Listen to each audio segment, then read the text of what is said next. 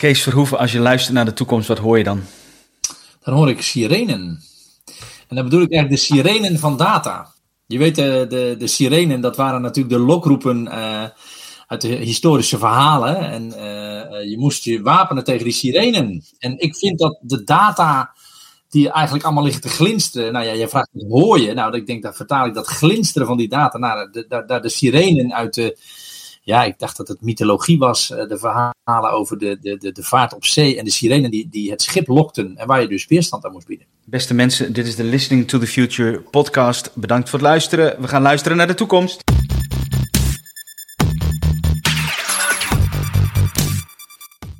Beste mensen, leuk dat je luistert naar de Listening to the Future podcast nummer 54. Inmiddels weer. Mijn naam is Jarno Duursma. Ik ben onafhankelijk tech-expert, spreker en auteur. In deze podcast interview ik experts uit de digitale wereld. We kijken naar de toekomst door de lens van digitale technologie. Als je zit te luisteren, uh, je bent een topper als je hem deelt. Deze aflevering met Kees Verhoeven op sociale media. En uh, abonneer je natuurlijk op Apple of op Spotify. Je kunt volgens mij sinds kort ook een review plaatsen op Spotify. Um, check dat uit. Geef uh, deze podcast alsjeblieft een hoge beoordeling van 5 sterren. Ook op Apple natuurlijk. Heb je vragen, opmerkingen of zit je deze podcast te luisteren met Kees en denk je: hey, ik heb iets slims, ik wil aanhaken, ik wil meedoen, ik wil wel meedenken, ik heb nog een zinnige opmerking. Hebben jullie dit artikel gelezen? Uh, doe dat alsjeblieft. En uh, stuur mij een mailtje dan, info. Op Twitter vind je de podcast LTTFNL. En normaal gesproken noem ik het Twitter-profiel ook van de gast. Maar Kees is even van Twitter af. We horen straks waarom dat zo is. Goed. Alle show notes, al mijn 53 eerdere edities van de podcast vind je op jarnoduursma.nl slash podcast. Ik ga in gesprek met Kees Verhoeven. Hij was tussen 2010 en 2021 Tweede Kamerlid voor D66. Kees staat bekend om zijn inzet voor privacy en een betere digitale overheid. Hij is oprichter van Bureau Digitale Zaken voor een menselijke samenleving in het digitale uh, tijdperk. Kees, wat uh, leuk dat je er bent. Uit mijn hoofd is dit uh, de tweede keer dat je aanhaakt ja. in de Listening to the Future podcast. Ja. Um, wij hebben tussendoor steeds wat contact um, via telefoon of via WhatsApp over meerdere zaken. En toen hadden wij het over de wet gegevensverwerking door samenwerkingsverbanden. Wij hadden het over de WIF, de uh, mensen bekend als de sleepwet. Ja. We hadden het over de Europese identiteit. We hadden het over de QR-code. We zijn nog vergeten, Kees, ook in de voorbespreking. Wat was het? De Data Governance Act. Ja, je hebt uh, de, de, de grote Europese dataregels die juist, komen. Ja. Juist, juist. Dus daar hadden we het dan over. Um, ik stuurde jou nog iets over camera-surveillance in de binnenstad. Um, mm. Wij kunnen, wij zijn het, wij maken ons zorgen. Laat ik daarmee beginnen. Wij maken ons zorgen dat um, de, er steeds meer data uh, verzameld wordt, dat die data bij elkaar gehusseld wordt. Dat het niet altijd duidelijk is waar wordt die data dan voor gebruikt, door wie wordt die data gebruikt, met welke doelstelling, hoe lang wordt die data dan bewaard. Uh, dat soort zaken. En in die, in, in, in die missie vinden wij elkaar. En ja. maken wij ons zorgen over de, een aantal ontwikkelingen. Dus de mensen die deze podcast luisteren. Um, wil ik met klem even verzoeken om mee te blijven luisteren en mee te denken en uh, aan te vullen waar, waar nodig. Um, wij gaan ook kijken, Kees, dat hebben we helemaal niet voorbesproken, maar dat leg ik nu even bij jou neer. In um, wat, wat dan een call to action zou kunnen zijn. Hè, dus wat kunnen mensen nou doen? Ik heb het ook in mijn lezingen afgelopen donderdag nog voor een, de, een vereniging van commissarissen en directeuren. Had ik het ook over gegevensverwerking door samenwerkingsverbanden. Um, en het veruit het gros kijkt dan glazig op één iemand na die dan iets met privacywetgeving bij de Rijksuniversiteit doet. Um, dus zodoende ontmoeten wij elkaar. Maar laten we beginnen met een hele uh, makkelijke vraag, relatief makkelijk. Kees, hoe is het en waarom ben je van Twitter even af weer? Het gaat heel goed. Uh, ik ben nu dus echt een jaar al geen Tweede Kamerlid meer. Dat, dat is een paar dagen geleden was dat, was dat een mijlpaal. En is dit jaar gewoon ontzettend veel gebeurd en heel veel positiefs. Uh, allereerst heb ik dus inderdaad mijn eigen, mijn eigen bedrijf uh, opgericht. Een adviesbedrijf. Ik geef ook wel wat lezingen uh, en ik doe ook wel wat trainingen. Maar ik ben ook gewoon echt, uh, ik probeer bedrijven en overheden te adviseren over digitale vraagstukken. Inderdaad met als doel om het menselijk te houden.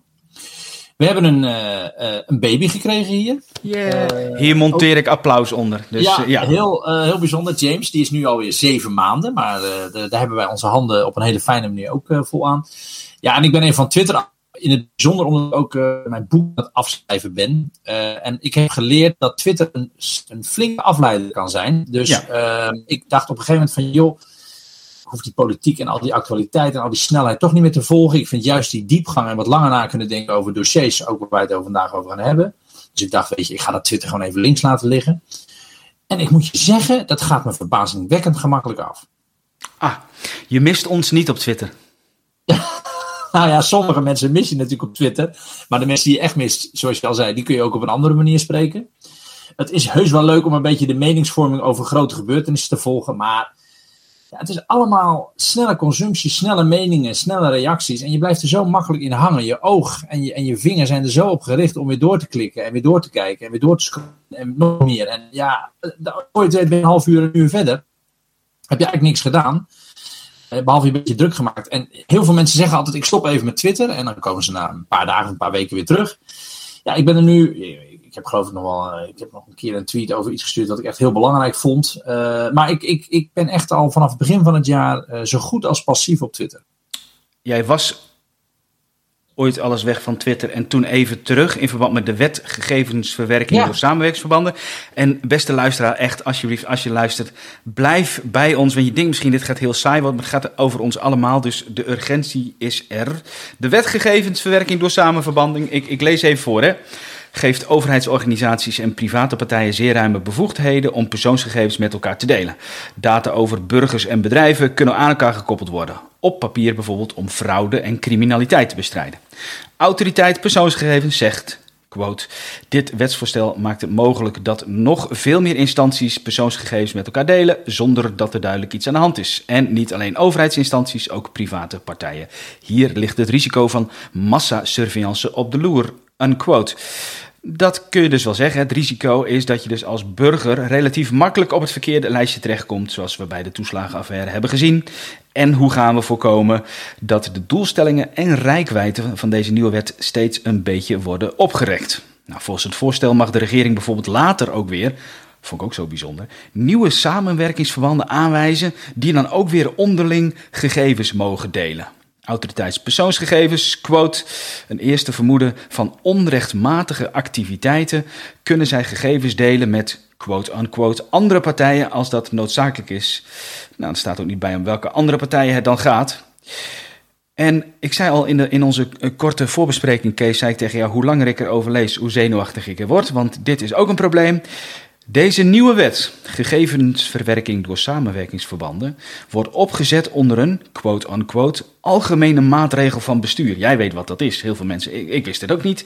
In tegenstelling tot een normale wet kan een algemene maatregel van bestuur worden aangenomen door een minister zonder tussenkomst van de Eerste en Tweede Kamer. Bizar eigenlijk. Dat is een reden tot zorg omdat de minister de volledige bevoegdheid krijgt om Openbaar Ministerie, Politie, Belastingdienst, Rabobank, accountantskantoor gegevens met elkaar te laten delen.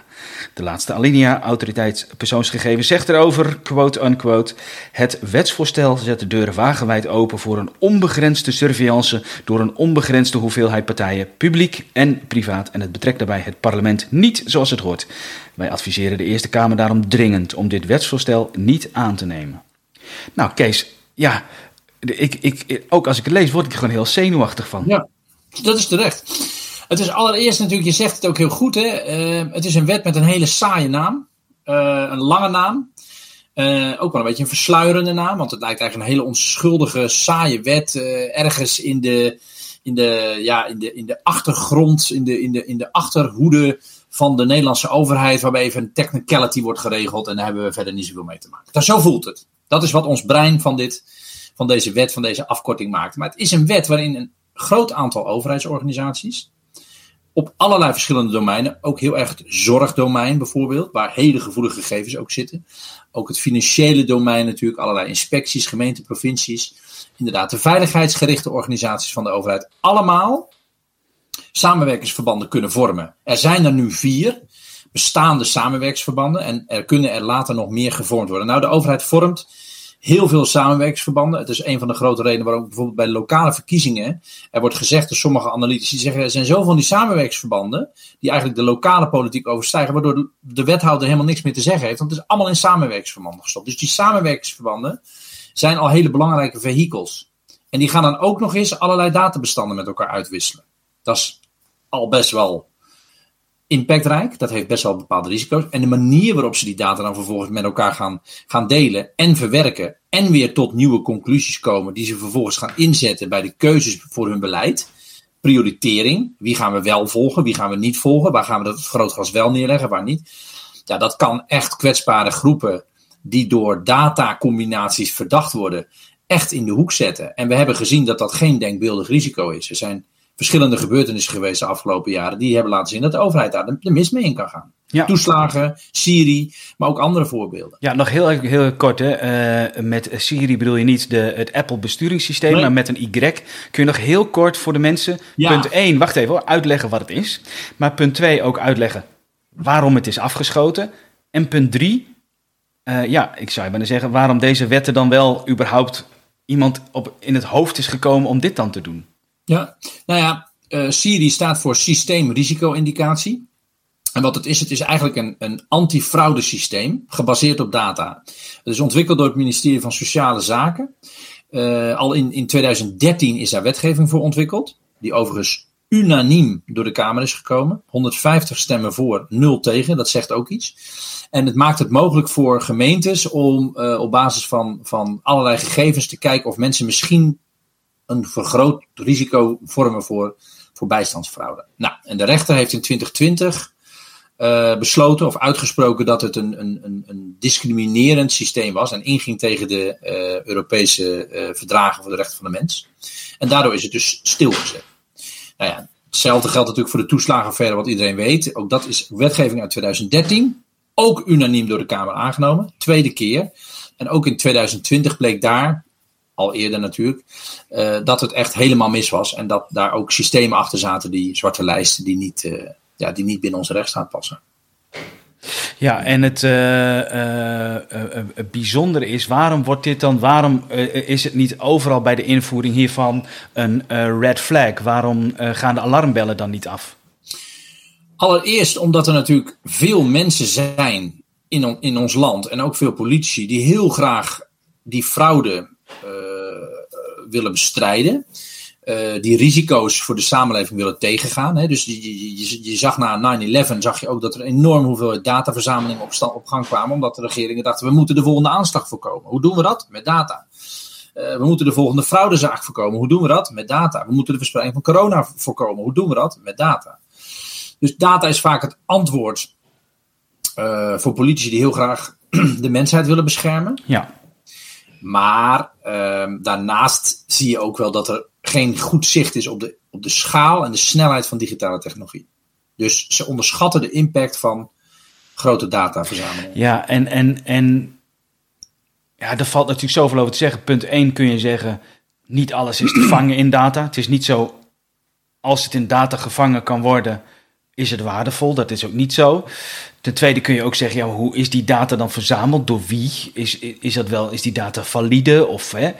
het is een soort um, ja, eh, een heilig geloof. Daarom was jouw eerste zin, hè? De, de, de, de aanlokkelijke diamanten van de data. Dat ging eigenlijk daarover, toch? Dat is wat je bedoelt. Nou, wat ik altijd, ik, ik noem het, het zijn gewoon glinsterende databergen. En iedere uh, wethouder, iedere minister, uh, iedere directeur van een uh, van een uitvoeringsorganisatie die denkt.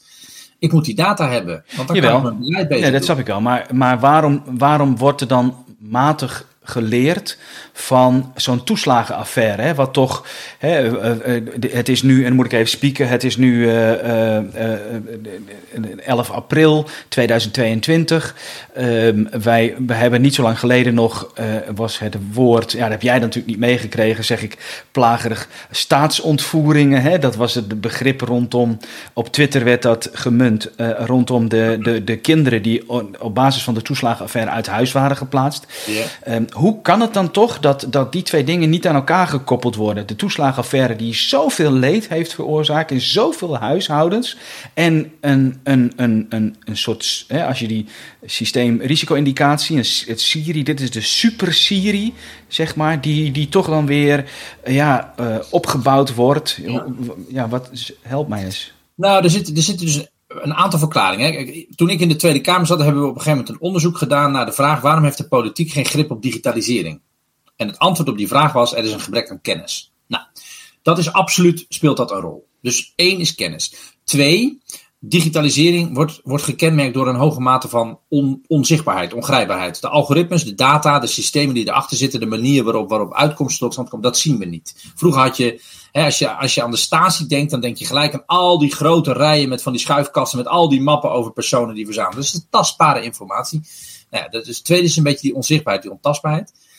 Het derde is natuurlijk dat, dat gewoon, wat ik al zei, er is natuurlijk ook een grote drive. En dat, dat is gewoon ideologisch. Er is een drive om misstanden in de samenleving te bestrijden. En daarbij wordt de balans tussen de rechtsstaat en de individuele vrijheid en de onschuld vooraf, wordt wel eens uh, uh, ja, op de proef gesteld. Met, of die komt op spanning te staan met aan de andere kant natuurlijk de wens om te zeggen, we moeten de veiligheid uh, uh, verzorgen. We moeten zorgen dat er geen profiteurs zijn van bepaalde sociale voorzieningen. Dus ja, en dat, dat even als PS, uh, even PS Kees. Jij en ik, wij zijn voor cyberveiligheid van Nederland. Jij en ik zijn voor het bestrijden van profiteurs.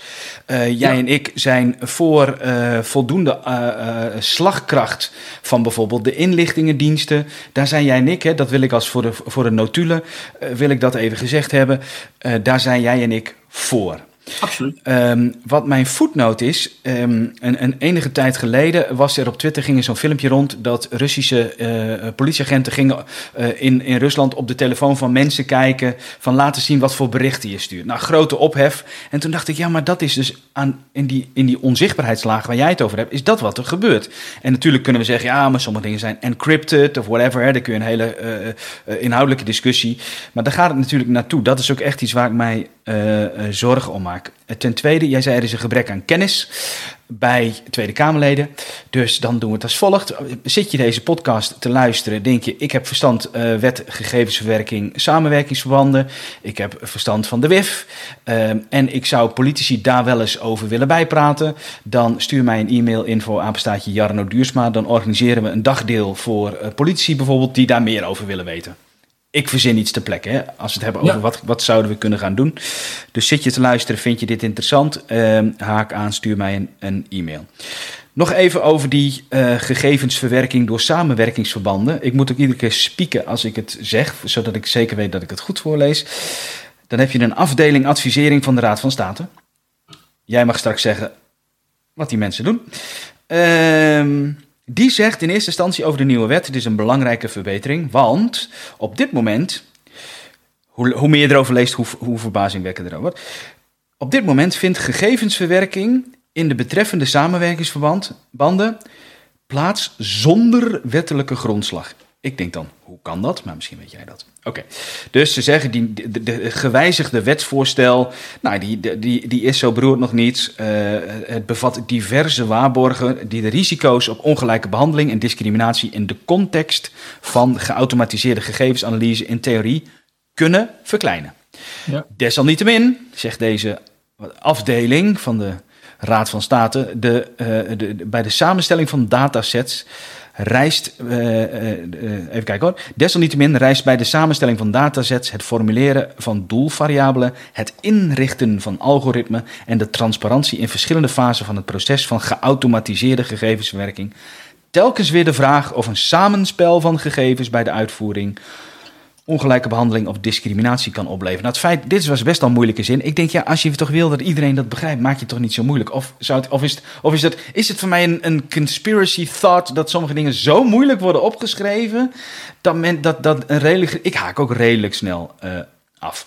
Dat, dat is vraag 1. Vraag 2 is, hier staat in alles wat ik van deze mensen lees, staat een zorgvuldige uitvoering van de wettelijke waarborgen in de praktijk is cruciaal. Waarmee in mijn beeldvorming wordt gezegd: eigenlijk is deze wet een rommelpotje, een soepje. En oh, oh, oh, Het moet in de, in de dagelijkse praktijk dan maar geregeld worden dat dat allemaal een beetje goed komt. Of is dat mijn cynische kijk? Nou, ik vind dat je op twee punten ben je, ben je misschien, uh, je zegt doe ik aan conspiracy en doe ik aan cynisme. Uh, ik vind ook dat de, uh, de adviezen van de Raad van, van State zijn natuurlijk, kijk, wat de Raad van State doet is die krijgen een wet opgestuurd en zij zijn de formele adviseur van de, van de, van de, van de Kamer en van de regering. Dus de regering en de Kamer hebben een onafhankelijk instituut, en dat heet de Raad van State, en die lezen gewoon alle wetten en die geven gewoon een advies, een objectief advies op basis van verdragen, hun ervaring, de uitvoerbaarheid, nou noem het dan maar op. Overigens, er wordt heel vaak gewoon uh, met die, met die, met die uh, adviezen van de Raad van State wordt veel te vaak niks gedaan. Dan wordt het gewoon terzijde geschoven, mm. want ja, we moeten door en uh, geen gezeur. En, Um, ze kunnen dat natuurlijk wel wat concreter opschrijven, maar het is natuurlijk een, het is een instituut, het is een adviesorgaan, het is een, het is een staatsraad, heet dat zelfs, net als de ombudsman en de rekenkamer. Dus het zijn hoge instanties, hoge colleges. Ja, daar werken ook mensen met een chique pen, om het zo maar te zeggen. Dus het wordt ook wel een beetje uh, bewust niet in, in Jip en Janneke taal opgeschreven, maar ik vind dat politici vervolgens die vertaling naar Jip en Janneke taal naar de, de bevolking wel moeten maken. En ik heb dat dus ook al een aantal keer geprobeerd in de Kamer. Maar die adviezen uh, zijn best wel schokkend. Als je door de, uh, de nette manier van schrijven heen leest. En je kijkt goed wat er staat. En dat moet je altijd doen bij wetgeving. En ook bij de advisering over wetgeving. Dan zie je inderdaad dat er echt wel rode vlaggen zijn. En dat het echt wel uh, een, een, advies is waar heel veel zorg uit voortkomt. Of uitspreekt. En dat die Raad van State dus echt denkt. Jongens, dit is een gevaarlijke wet. Ja, noem de rode vlaggen. Noem de rode vlaggen. Wat zijn ze? Ja. Zeg welke? Nou, wat, wat allereerst een rode vlag is, is uh, en dat is het belangrijkste en dat is de meest fundamentele, is de, de onbegrensdheid ervan. Het is volstrekt niet duidelijk waar het stopt. Wanneer is het niet mogelijk dat een aantal overheidsorganisaties verschillende databestanden aan elkaar koppelen, met elkaar combineren, gaan verwerken met algoritmes en daar vervolgens een conclusie over trekken? Waar, waar stopt het? We hebben een belangrijke wet. In, uh, die is drie jaar geleden, vier jaar geleden van kracht geworden en dat heet de AVG die kennen wij allebei heel goed. Dat is de, de, de, de algemene uh, privacywet. Ja, ik, ik zit al de GDPR, maar dat is de, de Algemene Verordening Gegevensbescherming. Ik was even de naam kwijt, maar zo heet dat is de Nederlandse vertaling. En dat gaat over, dat is een Europese wet die in alle landen van kracht geworden is die lid zijn van de Europese Unie. Dat heeft veel voeten in aarde gehad, heeft veel over gezegd en er staan een aantal principes in. En een van de belangrijkste principes daarin is dataminimalisatie en doelbinding. Dataminimalisatie is heel simpel. Gebruik zo weinig mogelijk data als nodig om je doel te bereiken. Doelbinding is, als je data hebt verzameld voor doel A, laten we zeggen tegengaan van fraude, gebruik het dan niet voor het opsporen van bijvoorbeeld uh, bepaalde problematieken in de zorg. Want dan ga je de verzamelde data op een ander front gebruiken. En dat leidt tot verkeerde conclusies. Dat nou, die, twee, die twee principes, je zou het gewoon rechtsstatelijke principes kunnen noemen, die worden door deze wet zonder enige twijfel geschonden.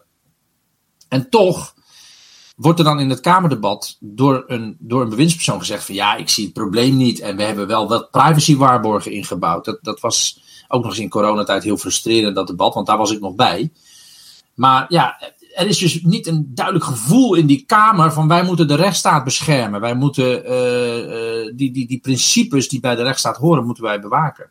En dan, ja, dan glipt zo'n wet erdoor. En dat is heel verkeerd dat dat gebeurt. Dat is gewoon slecht, slechte controle van de Kamer. Ja, en dat betekent dat onze digitale burgerrechten steeds meer met voeten worden getreden. Absoluut. Ja. ja. Je ziet dat, en het paradoxale is, en dat is wat mij betreft altijd de kern van het verhaal, en ook wel een beetje een oplossing op jouw vraag. De overheid doet het natuurlijk in principe over het algemeen. En ik ben dus, jij zei zelf, ben ik niet te conspiracy-achtig gaan denken. Ze doen het natuurlijk met goede intenties. De intentie is over het algemeen goed. En ook nog eens ingegeven door de wens van de bevolking. Dus de intentie om digitale technologie en data in te zetten, is op zich in het gros van de gevallen goed. Alleen het pakt verkeerd uit. Omdat er geen goed gevoel is over de manier waarop je kunt ontsporen als je data en digitale technologie inzet. Ja, want jij zegt terloops de wens van de bevolking. Maar ik weet zeker wanneer er een hele avond op de NPO zou zijn waar uh, mensen zowel voor als tegen deze wet iets zou inbrengen, dat heel veel mensen zouden zeggen: ja, Weet je, ik ben best wel voor cyberveiligheid. Ik ben best wel voor uh, fraudebestrijding. Maar wanneer er zo aan mijn stoelpoten gezaagd worden uh, rondom digitale. Nou, dan, dan kun je daar best een vraag bij stellen. Hè, dus je komt een beetje op het verhaaltje van uh, Maurits Martijn van zoveel jaar geleden. Ik heb niks te verbergen. Hè. Dat is, dat is dus, dus die. Maar daar zijn we het natuurlijk heel erg over eens. Ja, um, als, je boeken gaat noemen, dan hier. Jij hebt hem, ja. Wij, toevallig ligt hij hier. Ik vind het een. Het is een laat mooi zien, het geeft inderdaad inzicht wat de overheid eigenlijk allemaal wel niet allemaal van kan weten. Ja, en wat dus het risico is met deze uh, wet. Uh, en even voor de, voor de formaliteit. Uh, kun je nog even doornemen wat op dit moment, begin april 2022, wat de status is en wie daar nog over gaat? En als mensen denken, ik maak mij zorgen, wat ze dan bijvoorbeeld zouden kunnen doen? Ja. Overigens, jij schetste net een, een, een uitzending op de NPO, een avond lang over deze wet dat is natuurlijk in feite wat er gebeurd is met de sleepwet. Hè? Precies. Het referendum heeft Precies. feitelijk tot, tot, die. En toen is er dus ineens een grote groep mensen tegenstander geworden van iets waar eigenlijk de pijlen steeds van zijn voor. Dus dat is bijzonder dat je dat. Maar we hebben dat, uh, dat, die mogelijkheid nu helaas niet. Uh, om hier een, een, een, hele avond aan te wijden. Maar wel een, een stuk van een podcast. Uh, uh, jouw vraag. Nee, Kees, ik wil toch even iets anders. Hè. En dit is echt, um, wij hebben het hier nu terloops over, maar het is zo'n diepe bron van ergernis. Dat eh, bijvoorbeeld als ik kijk naar de NPO, moet dus een hele avond, wat mij betreft, hierover gaan. Een hele avond. Geen uitzondering. Het moet één avond per week moet het gaan voor- en tegenstanders bijvoorbeeld rondom klimaat bijvoorbeeld. Um, gletsjers, weet ik veel. Het moet, het, het, het, het, ik vind het een, een echt in de prullenbak van de publieke gelden. Als je ziet wat er op de televisie is en met wat er daadwerkelijk... Doe mij een avond van 2,5 uur, 3 uur... waarin wordt uitgelegd hoe dat ook alweer zat met die toeslagenaffaire... wat daar is misgegaan en debatteren aan het eind met elkaar. En dan, en dan dus niet uh, Tweede Kamerleden bijvoorbeeld, want uh, dat... Maar gewoon voor, eh, niet met de chique pen, maar gewoon voor iedereen, zodat ze dat begrijpen. Snap je wat ik bedoel? Dat, eh, dat zou natuurlijk. Wat er, ah, ik heb ooit ook nog een tijdje media gedaan als Tweede Kamerlid. En ik heb me altijd geërgerd over het commerciële karakter van de publieke omroep. Mhm. Want dat wordt natuurlijk gewoon geleid door kliks en likes en mhm. shares en mhm. reclameinkomsten, ster, stergelden. Dus uh, moet je boeren, boer zoekt vrouw uitzenden, want dan heb je veel, uh, kun je veel Unox-worsten verkopen om maar even heel plat te zeggen, maar zo is het wel. Mhm. En dus worden research, researchprogramma's, onderzoeksprogramma's, uh, onderzoeksjournalistiek worden er vaak de laatste tijd uitgegooid. Ja. En dus hebben we steeds minder objectieve informatie over dit soort uh, trajecten. Ja. En, en nogmaals, hè, voor de mensen die luisteren in de podcast, die zeggen: Hé, hey, maar Jarno, wist je wel dat er een YouTube-kanaal is? Of wist je wel dat ook dit soort initiatieven zijn? Stuur die naar mij toe. Uh, want dan deel ik ze bijvoorbeeld in mijn nieuwsbrief. Dus dat vind ik leuk om exposure uh, aan te geven. We gaan nog even uh, in het laatste stukje van de wet. En dan doe ik het uit mijn hoofd: gegevensverwerking, samenwerkingsverbanden. Um, ik, ik ben de naam, de schriftelijke inbreng ja. van de, de politieke partijen. En uh, die zeggen. Voor de behandeling, voor de. Voor de, voor de, de oh ja, want dat was mijn vorige vraag. Neem even de mensen mee. Wat is er al gebeurd met ja. die wet? En, en, en, en waar staat dat nu en waar, waar, waar gaat het naartoe? Ja, even heel kort. Dus uh, de wet is ingediend door de regering, uh, ik denk in 2018, 2019. De Tweede Kamer heeft er ook mede door corona maar dus ook doordat er een heel voortraject altijd is, waarin dus ook schriftelijk over een wet wordt ge gesproken door de Kamer. Die voeren dan gewoon vragen in en die moet dan de, de regering weer beantwoorden. Heeft de Tweede Kamer eind 2020 over de wet gedebatteerd en hem ook aangenomen. Uh, er waren ongeveer 100 zetels voor en 50 tegen. Dus het was al wat beter dan waar we het eerder over hadden dan bij de toeslagenaffaire en bij die systeemrisico-indicatiewetgeving. Dus er waren al wel wat fracties, waaronder destijds ook mijn uh, D66-fractie, die dus, ik heb het debat toen ook gedaan, tegengestemd hebben. Mensen vragen het namelijk wel, wel eens aan mij van ja, Kees, je bent altijd tegen die WGS, maar waarom heb je, wat heb je zelf gedaan? Nou, ik heb alles gedaan om mijn fractie te overtuigen dat we tegen moesten zijn terwijl we in de coalitie zaten. En we hebben ook tegengestemd. Daar ben ik ook heel blij om. Maar ik heb niet de rest van de Kamer kunnen overtuigen. Dus hij is toch met 100 tegen 50 ongeveer aangenomen. En nu ligt hij dus ter goedkeuring bij de Eerste Kamer. De Eerste Kamer moet er nog over gaan praten en heeft dus die schriftelijke inbreng al gedaan. Dus dan dienen alle fracties vragen in, kunnen dan weer uh, op basis van de, de, Raad van State, Autoriteit Persoonsgegevens, Bits of Freedom, deze podcast, allerlei mensen die, die dus dingen daarover zeggen, kunnen die, die, die, die senatoren dus meenemen in hun vragen. Nou, die vragen moeten worden beantwoord en dan wordt op een gegeven moment het debat ingepland. Dus dan is er een fysieke uh, debat, een bespreking van deze wet. En als de Eerste Kamer hem dan ook twee weken later per stemming aanvaardt, ja, dan is deze wet aangenomen. En wat ik dus heel jammer vind, is dat in het regeerakkoord in de tussentijd, hè, want eh, de wet is aangenomen vlak voor de verkiezingen en, en nu zijn we daarna.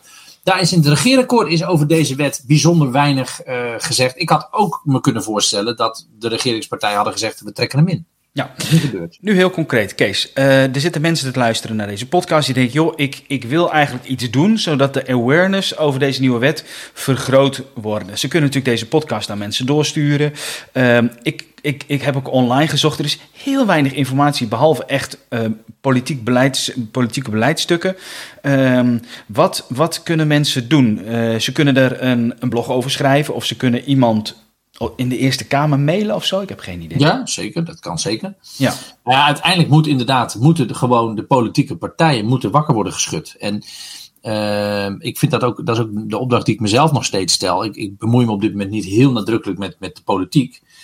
Maar ik vind in dit geval, uh, je, je, zei het net zelf, ik ben even van Twitter even, was ik weer even teruggekomen om nog even een paar dingen daarover te, te, te, te twitteren. Ik geloof ook dat mijn de, de, de, de vastgezette tweet op mijn timeline gaat volgens mij ook over de WGS. Uh, het is gewoon nodig om echt lawaai te maken. Om te laten zien dat het gewoon daadwerkelijk kan gaan over concrete uh, achterstelling en beschadiging van bepaalde groepen mensen die toevallig uit de computer komen rollen. Uh, zonder dat ze ook maar iets verkeerd hebben gedaan. Ja, dus deze tekst die jij zojuist uh, hebt uitgesproken, die mailen mensen dan naar iemand van de Eerste Kamer bijvoorbeeld. Is dat, is dat wat ze kunnen doen? Zeker. En, ja. en, en, en, die Eerste Kamerleden die zijn allemaal goed bereikbaar via e-mail. Want uh, okay. daar staan gewoon van alle, van alle volksvertegenwoordigers staan de, de, de e-mailadressen gewoon heel goed netjes overal genoemd. Heel ja. Nederland kan elke volksvertegenwoordiger mailen in ons land. Ja, en dan even, sorry dat ik je onderbreek. Sommige partijen die zijn natuurlijk kansloos, want die gaan natuurlijk sowieso voorstemmen. Ik weet niet eens precies hoe dat werkt.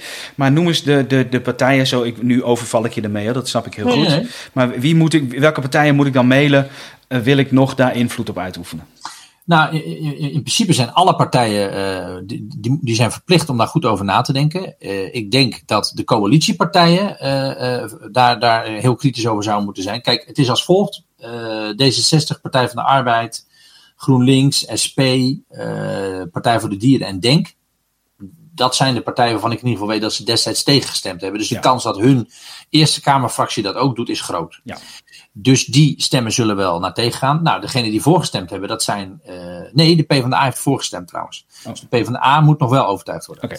PvdA, uh, ChristenUnie, uh, VVD, CDA. PVV, die hebben destijds voorgestemd. Okay. ja, dus die partijen, die kun je overtuigen. Dus gek genoeg P van de A, daar zou je toch van verwachten. Die hebben ook altijd wel een beetje gevoel voor data. En die zijn ja. ook wel een beetje voor de, voor de kwetsbare groepen. Die hebben voorgestemd. De ChristenUnie, ja, ook een partij waarvan je eigenlijk denkt, die zijn toch ook altijd wel voor, voor mensen ja. uh, op een goede manier de recht staan. Precies. Nou, CDA en VVD hebben natuurlijk voorgestemd en PVV, omdat dat zijn de klassieke veiligheidspartijen, antifraudepartijen, die willen ja. gewoon keihard aanpakken tussen, de, tussen met drie uitroeptekens Ja, en, uh, maar dan... die zullen ook na moeten denken. CDA is ook een partij die natuurlijk heel veel heeft met, met normen en waarden en de menselijke waardigheid. Ja, Precies, dus zit je te luisteren, deze podcast, ben je lid van een politieke partij, dan rommel eens even intern om te zeggen, beste mensen, moeten we dat nou wel doen? Hè? Er zijn meerdere wegen die naar Rome uh, leiden. Je hoeft niet ergens een handgranaat in, uh, in te gooien. Het kan ook subtiel. Ja. Mij schoot nog te binnen. Je kunt natuurlijk sowieso lid worden van uh, Bits of Freedom. Um, ja. follow, follow, the Money bijvoorbeeld. Hè, die dit soort dossiers ook wel volgen. al weet ik dat Bits of Freedom een capaciteitsprobleem natuurlijk. Er valt zoveel te onderzoeken.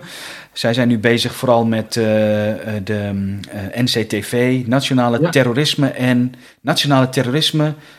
en coördinator. Ja, de nationale, ja. nationale coördinator terrorisme en veiligheid. Dat is hem. Ja, oké, okay, maar daar, hebben we het, daar komt nog een hele podcast over, dat doen we uh, later een keer. Dat is een mooie brug naar het volgende onderwerp, de sleepwet. De wet op de inlichtingen en veiligheidsdiensten. In 2017, ik lees even voor, aangenomen gaf veiligheidsdiensten AIVD en MIVD aanzienlijk meer mogelijkheden om online communicatie af te tappen. Door de wet kregen de inlichtingendiensten onder andere een ruimere toegang tot telefoon- en internetgegevens. Omdat ook niet verdachte burgers binnen de nieuwe wet konden worden afgeluisterd, werden door critici wel gesproken over de sleepwet. En wat is er gebeurd? De toezichthouder CTIVD constateerde een half jaar geleden nog dat de diensten bij het opvragen van grote bulk datasets zich niet goed aan de nieuwe wet houden. Dan gaat het bijvoorbeeld om passagiersgegevens van vliegtuigmaatschappijen of gegevens over belverkeer van telecomproviders. Deze, deze gegevens moeten de analyse anderhalf jaar later vernietigd worden, maar de diensten halen uit tijdgebrek vaak allerlei kunstgrepen uit om de bewaartermijn te verlengen. Nou, ik denk dan dit zal vast het top of the iceberg uh, zijn, of ben ik daarin te, te, te somber? Ja, nou jawel. De, de, de, de, we zien natuurlijk heel weinig van wat de diensten doen. Dus is wel een soort van topje van de ijsberg uh, principe. Aan de andere kant moet je ook altijd oppassen dat je niet uh, bij alles concludeert van... oh, ik weet dat dit aan de hand is, dus dan zal er nog wel veel meer aan de hand zijn. De CTIVD, dat is de toezichthouder op de inlichtingendiensten... die kunnen ongelooflijk veel zien. Dus die mogen tijdens en na alle operaties van de diensten echt in de systemen kijken wat er gebeurd is. Dus die schrijven ook regelmatig twee, drie, vier keer per jaar een rapport over een bevoegdheid van de diensten. Bijvoorbeeld het mogen hacken, uh, of het mogen uh, verzamelen van, van grote bulkdatasets, of het inzetten van informanten. De, de, de inlichtingendiensten hebben allerlei verschillende bevoegdheden om hun werk te doen. En de, de toezichthouder zit daar wel bovenop. En die schrijven vaak kritische rapporten. Dus ik denk dat het meeste wat niet goed gaat, dat we dat ook wel weten. Oké, en is er zo die kritische maar rapporten. Gaat ook niet goed. Nee, wordt er, wordt er iets mee gedaan met die kritische rapporten? Ja, de Kamer die eh, krijgt die rapporten. En dan wordt ook altijd een toelichting gegeven door de, door de, door de voorzitter van de, van de toezichthouder, van de CTVD. En daar kunnen Kamerleden ook vragen stellen. En die Kamerleden kunnen dan vervolgens een debat met de verantwoordelijk minister aanvragen. En zeggen: joh, we hebben een wet, eh, de, de diensten houden zich daar niet aan. Daar moet verandering in komen. En daar is de afgelopen jaren ook wel een aantal keer daardoor een aanscherping gekomen. Dus ja. met die rapporten van de, van de CTVD wordt best wel uh, wat gedaan. Dat zijn best wel uh, serieuze. En uh, de WIF, daar hebben we over gestemd. Kun je de mensen die, die wat vergeten zijn nog even de geschiedenis van de WIF noemen? Ja. En waarom we het er nu dan over hebben? Want het is nu ineens weer in het nieuws voor de mensen die dat niet volgen. Why? Nou, de WIF is eigenlijk het oudere broertje van de, van de wet gegevensverwerking samenwerkingsverbanden. Dus je zou kunnen zeggen, wat, wat de WGS, die wet gegevensverwerking nu is. Dat was de WIF zo'n jaar of drie, vier geleden. Weliswaar over de veiligheidsdienst en dat andere, die WGS gaat over fraude. Maar de grote rode draad was vergaande dataverzamelingsmogelijkheden en bevoegdheden voor de overheid regelen bij wet. Nou, de WIF was in 2000 17, denk ik, is die, is die uh, door de Kamer behandeld. En ook daar ongeveer 100 voor, 50 tegen. Beetje dezelfde partijen, denk ik, die voor en tegen stemden. En die wet is toen aangenomen en toen is er vervolgens een referendum gehouden. Door dat referendum, daar, daar kwam een tegenstem op. ik heb toen zelf, ik was heel nauw betrokken bij die wet. Hè. Ik heb eerst tegengestemd, vervolgens heb ik hem geprobeerd beter te maken. Vervolgens heb ik op basis van de verbeteringen campagne gevoerd voor de WIF, omdat ik vond dat het goed genoeg was. Maar het referendum zei nee, er moet nog veel meer aan die WIF veranderen. Dat is toen ook gebeurd. Dus de, de regering heeft na het referendum een wetswijziging ingevoerd, waardoor de WIF nog strenger geworden is. En uiteindelijk zei je vriend en vijand, niet de meest extreme, maar critici en, en mensen die er verstand van hebben, die zeiden, nu is de wet aardig in balans. Nu hebben we een aardige balans gevonden tussen de veiligheidsmogelijkheden voor de diensten en de, uh, de burgerrechten van mensen. En nu is het weer actueel, omdat de diensten eigenlijk al een paar jaar zeggen: wij kunnen niks door deze wet. Wij zijn, uh, wij zijn met handen gebonden. Dus zij vinden dat ze te, te veel beperkt worden. En nu wordt er door de regering een wet ingediend om de, de, toezicht op de diensten van die CTVD. En er is ook nog een andere commissie die van tevoren kijkt. En met name daar wordt zeg wel wat, wat, wat, wat strakker uh, naar gekeken. Hè. Dan, dan, dan hebben de diensten bijvoorbeeld een voorstel. We zien een dreiging en we willen nu deze internetkabel helemaal aftappen. En dan zegt de commissie die van tevoren een toetsing doet, zegt ja, dat is niet proportioneel. Dat mag je niet doen. Nou, de diensten vinden dat heel vervelend. Dus het, het kabinet heeft nu een wetsvoorstel gemaakt om die, die toets vooraf, om die lichter te maken. Waardoor er dus weer meer mogelijk wordt. Ik, maar, ik ben daar dus bezorgd over. Want ik denk dat er dan toch weer richting onnodig veel uh, data verzamelen gaan. Zonder dus goede controle erop. Ja, en dan uh, doe ik even advocaat van de duivel. En zeg nou, weet je Kees daar werken bij de inlichtingendiensten werken slimme mensen. Um, weet je, die hebben het beste met ons voor. Wat maakt dat nou uit? Want jij hebt geen bomgordel, dat heb ik niet. Uh, ik sta niet met een Molotov cocktail op het binnenhof. Weet je, Kees, loosen up. Ja, dat uh, hoor ik vaak, loosen up. Dat zeggen mijn kinderen ook vaak tegen me, maar dat is een ander verhaal. Nee, je moet wel bovenop de zaak zitten. Je moet wel uh, bezorgd zijn als in ieder geval als Kamerlid, maar ook als, als, als burger en ook als persoon die uh, zijn stem uitbrengt. Dit zijn dingen die gaan over de, de basale rechten die we hebben afgesproken met elkaar. Namelijk, mensen zijn onschuldig voordat het tegendeel bewezen is. Dat is een bazaal principe. Nog, nog een ander heel bazaal principe. De overheid mag pas wat doen als het bij wet geregeld is. De overheid moet zich dus ook zelf aan de wet houden. Nog eentje, sorry dat ik je heel even onderbreek. De eerbiediging van de persoonlijke levenssfeer is volgens mij ook een belangrijke uh, recht wat we hebben. Absoluut. En dat is dus ook. En dan, dan kan je het nog weer hebben over die doelbinding en die dataminimalisatie. Dus als je iets doet, gebruik dan een middel wat proportioneel is. Dus niet een superzwaar middel om iets heel kleins te regelen. En ook niet iets heel kleins om een heel groot probleem op te lossen. Dus de overheid moet altijd zoeken naar de juiste verhouding tussen doel en middel. Al dat soort dingen gaan bij dit soort datawetten verkeerd. Waarom? Omdat mensen het middel niet goed kunnen beoordelen. Ze kunnen het niet goed inschatten. Ze kunnen het ook niet goed in wetsteksten beschrijven. Dus dan, dan, dan komt er een situatie tot stand waarin je uiteindelijk als Kamerlid een wet leest en denkt: oh ja, nou ja, we gaan wat data verzamelen. Het wordt dan heel mooi opgeschreven. Hè? We, hebben, we hebben tot doel om ervoor te zorgen dat uh, de bescherming van uh, de nationale veiligheid vergroot wordt. Uh, door op een slimme manier gebruik te maken van de digitale mogelijkheden van deze tijd. Ja, dan denk je, als je niet al in slaap gevallen bent: oh, dat zal wel goed zijn. Maar als eigenlijk staat er, we gaan steeds dieper onder de huid van burgers kruipen. Uh, uh, en, en we willen zo, zoveel mogelijk van mensen weten om te voorkomen dat ze verkeerde dingen doen. Ja, daar zit wel een bovengrens aan. Want op een gegeven moment word je dan toch een soort van politiestaat. Toch een soort van surveillance staat. Nou, wat, wat uh, ik, ik denk, uh, dat is bij alles wat ik lees. En ik, ik zou willen, als ik mijzelf uh, kon klonen, dan zou ik mij veelvuldig hierin vastbijten. ik, heb, ik heb ook maar 24 uur per dag. Maar dat is ook steeds het woord wat mij wat boven komt drijven, is de surveillance staat. Ik ben pre-corona ben ik twee weken in China geweest om daar wat dingen te kijken. Ik vond een aantal dingen interessant. Ik vond een aantal dingen fantastisch. Maar ik heb natuurlijk ook gezien hoe, hoe, hoe de uh, overheid met behulp van technologie uh, uh, regie voert, om op zijn zachtst even te zeggen. En ik lees dan toch veel dingen wat mij wat in Nederland wat de cold shivers, daar krijg ik de, het grondbeginsel punt 1. een burger is onschuldig totdat het tegendeel bewezen is. Punt nummer 2, super simpel. Um, de overheid mag pas wat doen op het moment dat dat per wet geregeld is. Punt 3, de, de, de wereld digitaliseert massaal. Dus als je, stel je zou al mijn digitale sporen, dan heb je een extreem um, goed beeld van wie ik ben, wat ik doe. Maar het is precies wat jij zegt, omdat het onschuldig is, uh, appelleert het niet aan mensen. Als ik bij iemand achter de voordeur stap, letterlijk, dan bellen ze de politie en dan is het mis. Maar op het moment dat dat in de digitale, in de digitale wereld is, gaat men daar toch wat soepeler uh, mee om. Dus dat is mijn uh, reden ook tot zorg. Is dit een beetje een goede samenvatting, Kees? Ja, absoluut. Ik denk dat dus de, samenvatting is dus dat er een, een, een, een, een belangrijke drive is om een bepaald probleem op te lossen. En dat dat uh, middel wat dan vervolgens wordt ingezet, eigenlijk gewoon de rechtsstaat op een aantal principiële onderdelen beschadigt. En dat betekent dus dat mensen daar uiteindelijk gewoon het slachtoffer van kunnen worden. Ja, en die principiële zaken, dat, wat ik zojuist noemde. Dus, uh, ons, ja, dat zijn die drie punten. Ja, ja. ja. En uh, buitenproportioneel. Wat mij ook een beetje uh, zorgen maakt, jij en ik volgens mij via WhatsApp, ik weet niet meer hoe we contact hadden. Uh, ik heb mij op een bepaald moment wat druk gemaakt om de invoering van de QR-code bij de vaccinatiebewijs. En dat gaat volledig los uh, over het nut of noodzaak van vaccineren.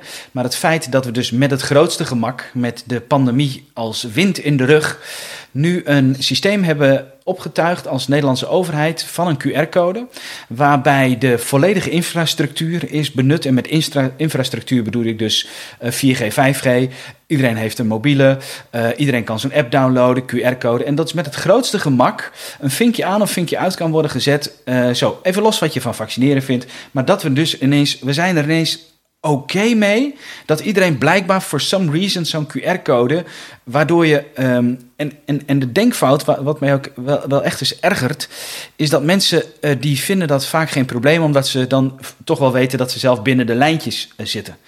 Wat ze heel vaak vergeten is dat ja, op het moment dat je niet binnen de lijntjes zit, of daar for, for whatever reason uh, niet meegaat in het, in het grotere verhaal bijvoorbeeld, dat je dan als je buiten de lijntje staat, dat ineens zo'n QR-code uh, er ineens wel toe doet. Snap je wat ik bedoel? Dus ik denk dat de ja. blinde vlek ook is van veel mensen dat ze denken, in dit hele specifieke geval, nou, ik laat me gewoon vaccineren, want dat is volgens mij goed. En uh, dus ik zit erbij en I don't care, ja, waar maken mensen zich druk om? Um, terwijl het, het optuigen van, van die structuur, gewoon van de technische structuur en het gemak waarmee dat dan gebeurt, dat heeft mij, dat weet jij, dat heeft mij verontrust. Dat ik dacht, ja. oh ja, ik weet nog wel, twee jaar geleden in China uh, toen was er ook een QR-code om overal. Nou, mensen spraken in Nederland er schande van.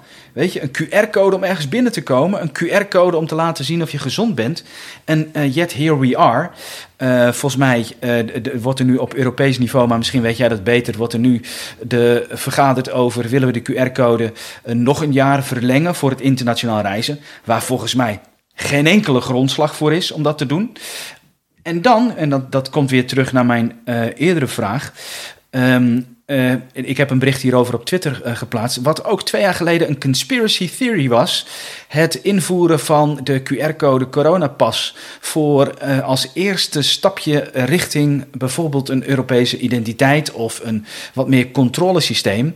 Um, nou, als ik door mijn, de, mijn wimpers kijk, dan zie ik zoiets aan de horizon. Of vind jij dat wat te somber? Wederom is dit de vierde keer dat ik jou dit vraag. Nee, kijk, we moeten nu niet meer de hele tijd. Dat zeggen mensen vaak en graag. Van ja, kijk, even 30 seconden aanloop.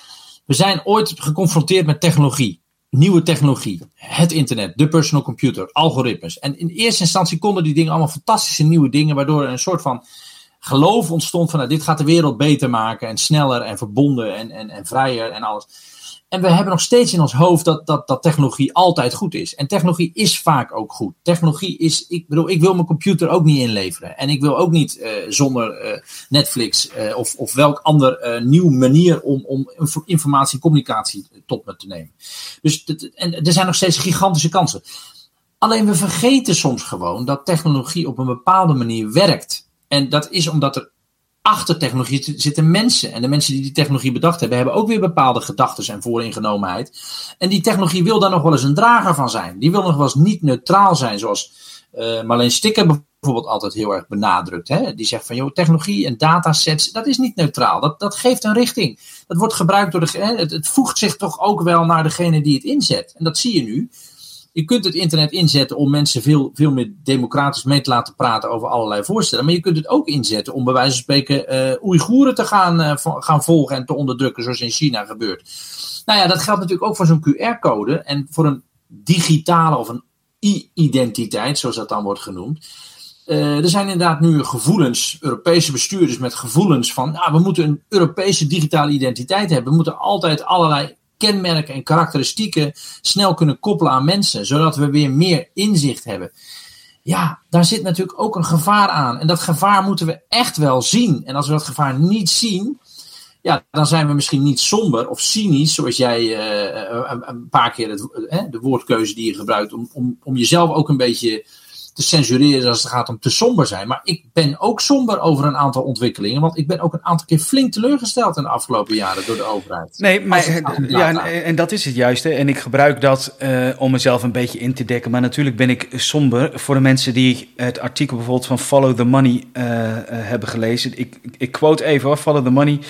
Uh, Europese identiteit, een mondiaal systeem van digitale identiteitsbewijzen. De Europese Commissie verwachtte de coronapas uit te breiden tot een volmaakte digitale wallet. Nou, daar komen ze natuurlijk met blockchain. Why not, zullen we zeggen. uh, en zelfsoevereine identiteit, precies. Um, de coronapas als opstapje voor de invoering van een digitaal ID-bewijs. Een platform, let goed op, voor de digitalisering van identiteits- en gezondheidsgegevens. Ja. En dan denk ik, ja, ik, wie, wie, wie ziet dat dan en waarom wordt dat dan gebruikt? En als ik mij um, um, ik krijg, uh, ieder jaar krijg ik zo'n oproep voor uh, de, de griepprik. Um, omdat ik op papier behoor tot een kwetsbare doelgroep op dat vlak. Uh, verder voel ik mij kerngezond. Maar stel nou dat ik op een moment zeg, nou maar dat doe ik gewoon niet. Ik, ik, ik doe het heel vaak niet, omdat ik denk, nou ja, ik voel me kerngezond.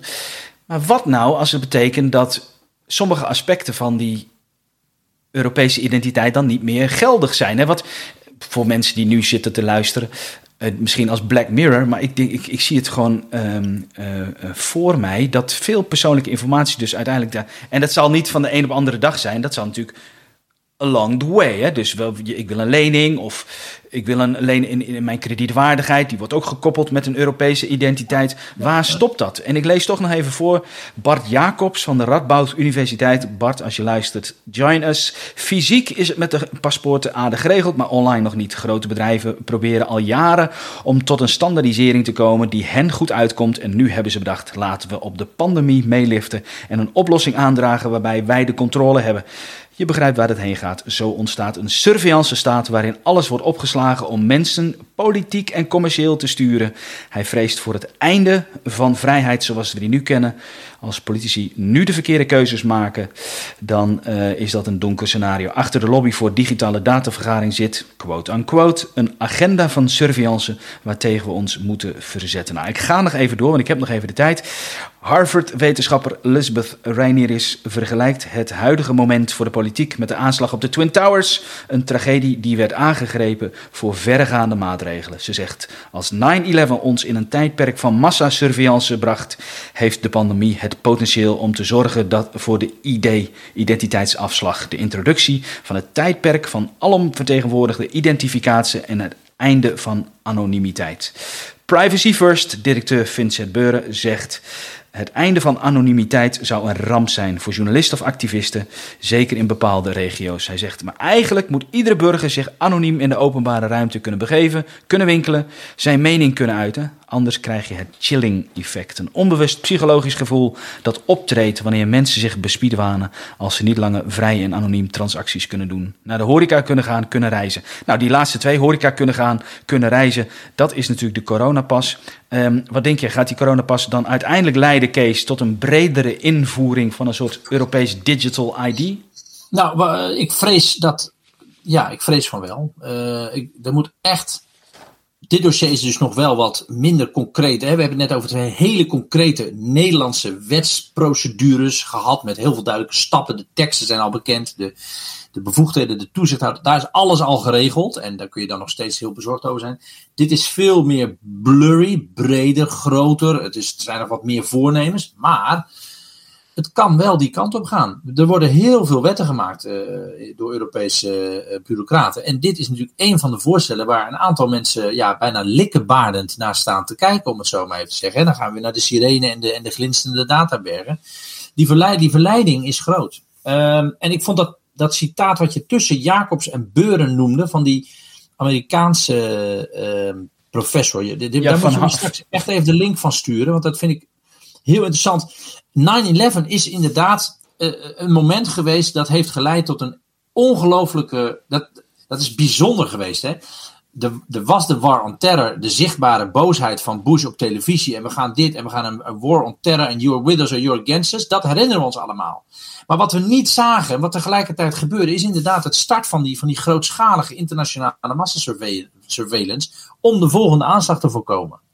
En als de vergelijking met, met, met de pandemie die nu weer tot een nieuwe stap kan leiden, vind ik een hele, ja, dat vind ik een hele goede en terechte vergelijking. Dat vind ik een hele interessante benadering van, van dit probleem.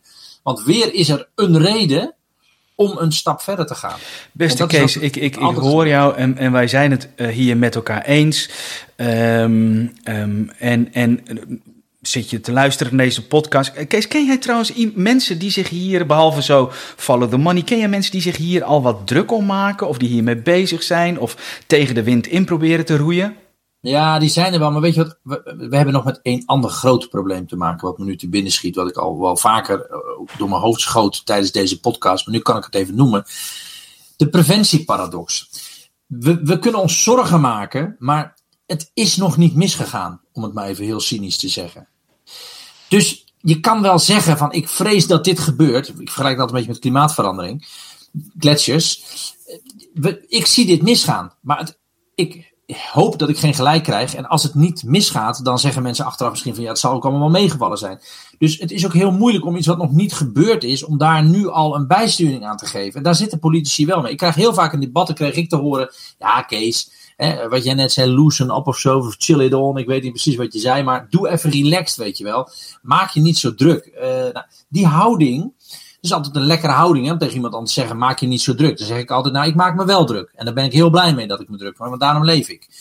Je moet je dus, je moet je dus kunnen voorstellen wat er gaat gebeuren. En ik denk dat veel mensen zich gewoon niet kunnen voorstellen wat, wat grootschalige data en technologie, uh, digitale technologie, kan doen. Ook al is het al een aantal keer in het verleden bewezen, blijven mensen het onderschatten. Ja, want, want, wij spraken elkaar vorige week uh, telefonisch over die wetgegevenverwerking door samenwerkingsverbanden. Toen vroeg ik aan jou, Kees, maar behalve jij en soms ik, wie maakt zich daar dan druk op? Toen konden wij eigenlijk maar heel weinig partijen verzinnen. Bits of Freedom doet er niks mee, want die zit op dit moment uh, onder andere op de. Uh, uh, DMA, hè, doen ze ook heel veel mee. ja, DMA. Markets. Markets, ja. ja. En je hebt natuurlijk de, de Governance en Data Act, daar hebben we het nog niet eens uh, uh, over gehad. Dus ook die analyse, eigenlijk, we, zouden een soort podcastserie hierover moeten maken. wanneer mensen trouwens zitten te luisteren en denken, oh, die Europese identiteit, daar weet ik iets van. Of ik ken iemand die daar heel actief mee bezig is. Of ik ken iemand die heel goed kan uitleggen wat de eventuele risico's zijn. Laat ze contact met me opnemen voor een podcastaflevering vanzelfsprekend, want daar sta ik open voor. Ehm ja, wat interessant. Dus in feite zeggen jij en ik, ehm, er is veel aan de hand. We kunnen ook constateren dat een aantal wetten zoals ze nu liggen de grondrechten van burgers aantasten. En dat vind ik dus het allersterkste argument tegen mensen die zeggen: ja, het is nog niet misgegaan. Dat je, ja, maar het is nog niet misgegaan, maar het wordt wel aangetast. Snap je? Zeker, dat kun je ook objectief. Hè? Dus je kunt zeggen, ja, maar het is ook een kwestie van smaak. En de meeste mensen zijn voor veiligheid. Dus ja, we moeten niet zo uh, moeilijk doen. Dat is nou eenmaal wat de meerderheid van de, van de mensen wil. Maar de, de, de, de rechtsstaat. kijk, als je gaat over de meerderheid, dan heb je het eigenlijk over de democratie. Verkiezingen, meerderheid beslist. Hoppakee, dit gaan we doen. Maar een democratie, een goede democratie, bestaat ook uit een individueel stuk. En dat is de rechtsstaat. Dat zijn de individuele burgerrechten. Die ieder mens heeft, ongeacht wat de meerderheid vindt. En daar hebben we het hier over. Dus het gaat niet over. Je kan zeggen, ja, maar Kees, er is een ruime meerderheid van de mensen die wil graag die wet invoeren. Je hebt toch verloren in de, in de Tweede Kamer, 100 tegen, 100 voor, 50 tegen. Niet zo zeuren. Nee, we hebben ook een objectief opgebouwd institutionalistisch kader, verdragen, de grondwet. De principes van dat de overheid de wet niet mag overtreden, de, dat mensen onschuldig zijn dat moeten we wel in stand houden, dat bouwwerk. En daar gaat dit over. Maar beste Kees, waar jij het nu over hebt, dat staat toch ook in tijdens de coronapandemie stond het enorm onder druk. Hè, waarbij er werd gedaan, ja, maar de meerderheid beslist. Uh, weet je, over, bijvoorbeeld over het vaccineren, over dat soort dingen. Terwijl ik dacht, ja, true. En dat is ook. En je moet ook luisteren naar de meerderheid. Tegelijkertijd, punt 1, is de meerderheid goed geïnformeerd. Zou je ook nog iets over kunnen zeggen. Ten tweede, is er ook nog zoiets als het, het kunnen uh, behouden van je uh, individuele wensen en je individuele rechten binnen dat collectief. Ja. Anders wordt het wel heel snel met voeten getreden. En de mensen die zeggen: ja, maar ik ben voor veiligheid, dat is wel prima. Maar dan laatst, dan wil ik ook heel graag dat ieder huiskamer een webcam heeft waar de politie op kan meekijken. Hè? Want dat is in feite.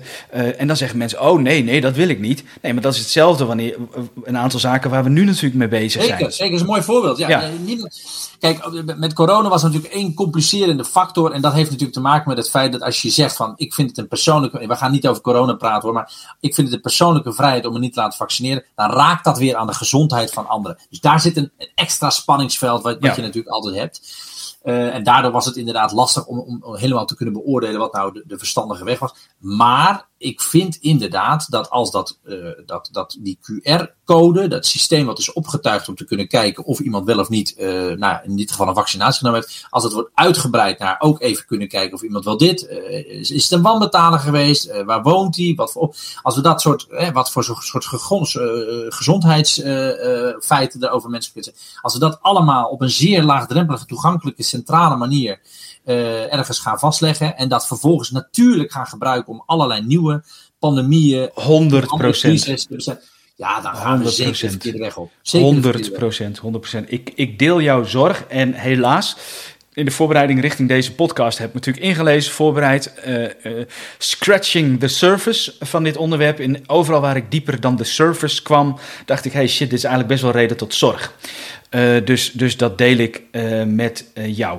Goed, de korte samenvatting is als volgt. Er is wetgeving in de maak op soms op het punt van executie. Er is al wetgeving waarin onze digitale burgerrechten onder druk staan. De overheid uh, laat zich soms verleiden tot de diamanten van de data en denkt dat daar de uh, oplossing uh, in zit. Ze hebben soms beperkte kennis over digitale zaken. Gaan snelheid wordt onderschat. Absoluut. De complexiteit. Ehm, er is onvoldoende waarborg over waar wordt de data voor gebruikt, door wie, hoe zien die samenwerkingsverbanden er dan uit wat, wat versta je onder zo'n samenwerkingsverband? En, en waarom mogen buiten de Eerste en Tweede Kamer om er dan opeens uh, uh, nieuwe samenwerkingsverbanden uh, worden uh, gecreëerd? We hebben het onschuldig totdat het tegendeel bewezen is. eerst moet dingen bij wet geregeld voordat het mag gebeuren. Ook dat wordt met voeten getreden. Um, en, en, en, um, en, nogmaals, eh, ben je iemand die dit interessant vindt? Stuur mij een e-mail. Dan verzamel ik even een aantal uh, e-mails bij elkaar. Uh, wie weet wat daaruit komt. Sowieso natuurlijk donateur voor Bits of Freedom, Privacy First, Follow the Money, Waag niet te vergeten, Marleen niet te vergeten. Um, er zijn meerdere mensen die zich er druk om maken. Siri Berends natuurlijk, die ken ik, die maakt zich ja. vaak uh, Mark Vletter van Voice. Nou, zo zijn, er zijn een aantal mensen, ook in ICT-recht. Ik vergeet vast een Bart Jacobs natuurlijk. Zo zijn er meerdere mensen. Uh, zit je te luisteren, vind je het interessant, trek mij aan mijn vestje en zeg: Hey Jarno, dit gebeurt er al. Um, uh, en dan, dan kijken we wat een vervolgstap zou kunnen zijn. Ik heb sowieso nog een podcast met Bits of Freedom over de inlichtingendiensten, dus dat komt sowieso. Um, ja, dit was eigenlijk wel een goede samenvatting, zo toch, Kees? Ja, absoluut. Ik, ik, ik, ik ben heel blij met het feit dat je, dat je dat je het aandurft, zeg ik bijna, om, om, om, om over deze wat, ja, toch wat onbekendere en toch wel, ja, ook wel complexe materie, die niet gelijk tastbaar is om daar een podcast aan te wijden. Ook nog eens met een oud politicus. Maar het is zo ontzettend belangrijk om na te blijven denken over die impact van digitale technologie, die uiteindelijk gewoon ons dagelijks leven kan raken. Zeker, dat hebben, we hebben het over big tech vaak gehad met z'n tweeën. Uh, we hebben het vaak over China en Rusland gehad. Uh, met met hè, die cyberdreigingen en desinformatie en, en, en, en spionage en achterdeurtjes en noem het allemaal op. En we het hebben gehad over de verdienmodellen via de advertenties. Je hebt me ooit nog eens een keer geholpen met, met het doordenken van een advertentieplan wat ik had. En toen zei je van, joh Kees, denk nou even na. Ze willen niet zozeer alleen maar die...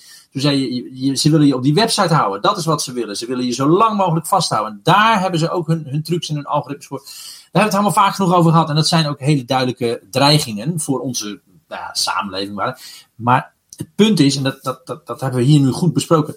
De overheid zelf, de democratisch gekozen overheid zelf, onder druk staan van burgers en crisis en daadkracht willen tonen. En zijn zelf ook likkebarend naar die datadiamanten aan het kijken. En die schitterende algoritmes waar ze zo ontzettend graag mee willen werken.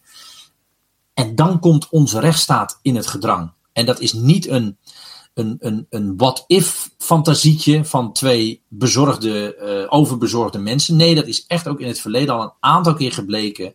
En we hebben die rechtsstaat niet voor niets, want dat onderscheidt ons van heel veel landen in de wereld waar heel veel slechter met mensen wordt omgegaan dan hier.